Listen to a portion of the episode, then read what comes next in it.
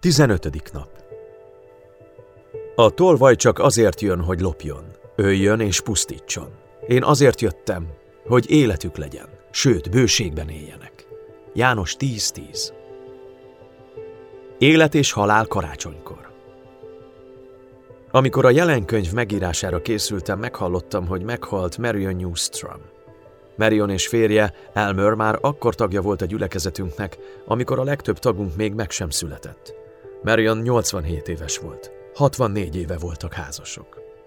Amikor Elmerrel beszéltem, és azt mondtam neki, hogy szeretném, ha erős lenne az Úrban, és nem mondana le az életről, azt felelte, ő, Krisztus, igaz barát volt, és maradt.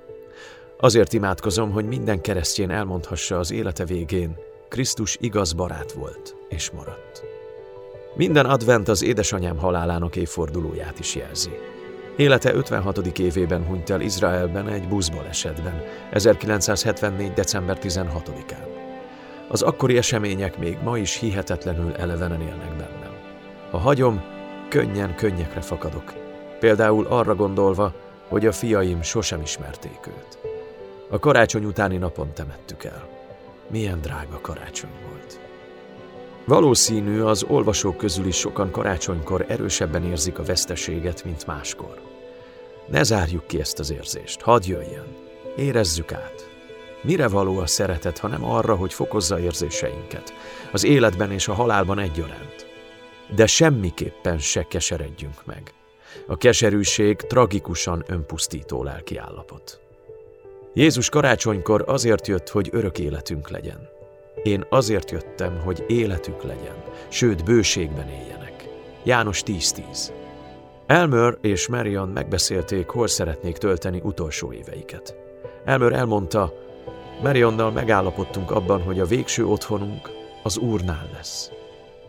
Hevesebben vágyunk-e az otthonunk után? Az ünnepek idejére hazaszoktak jönni a családtagjaim, ami mindig jó érzéssel tölt el. Azt hiszem végső soron azért, mert a lényünk legmélyén minnyájan egy végső hazatérésre készülünk.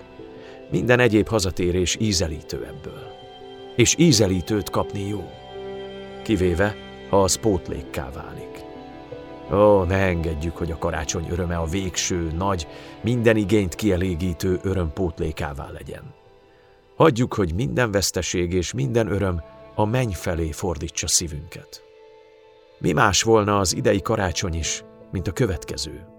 Én azért jöttem, hogy életük legyen. Marion Newstromnak, Bruce Pipernek, az olvasónak és nekem, hogy életünk legyen most és örökre. Idén karácsonykor tegyük gazdagabbá és mélyebbé a jelen pillanatait azáltal, hogy az örök kútból iszunk. Oly közel van.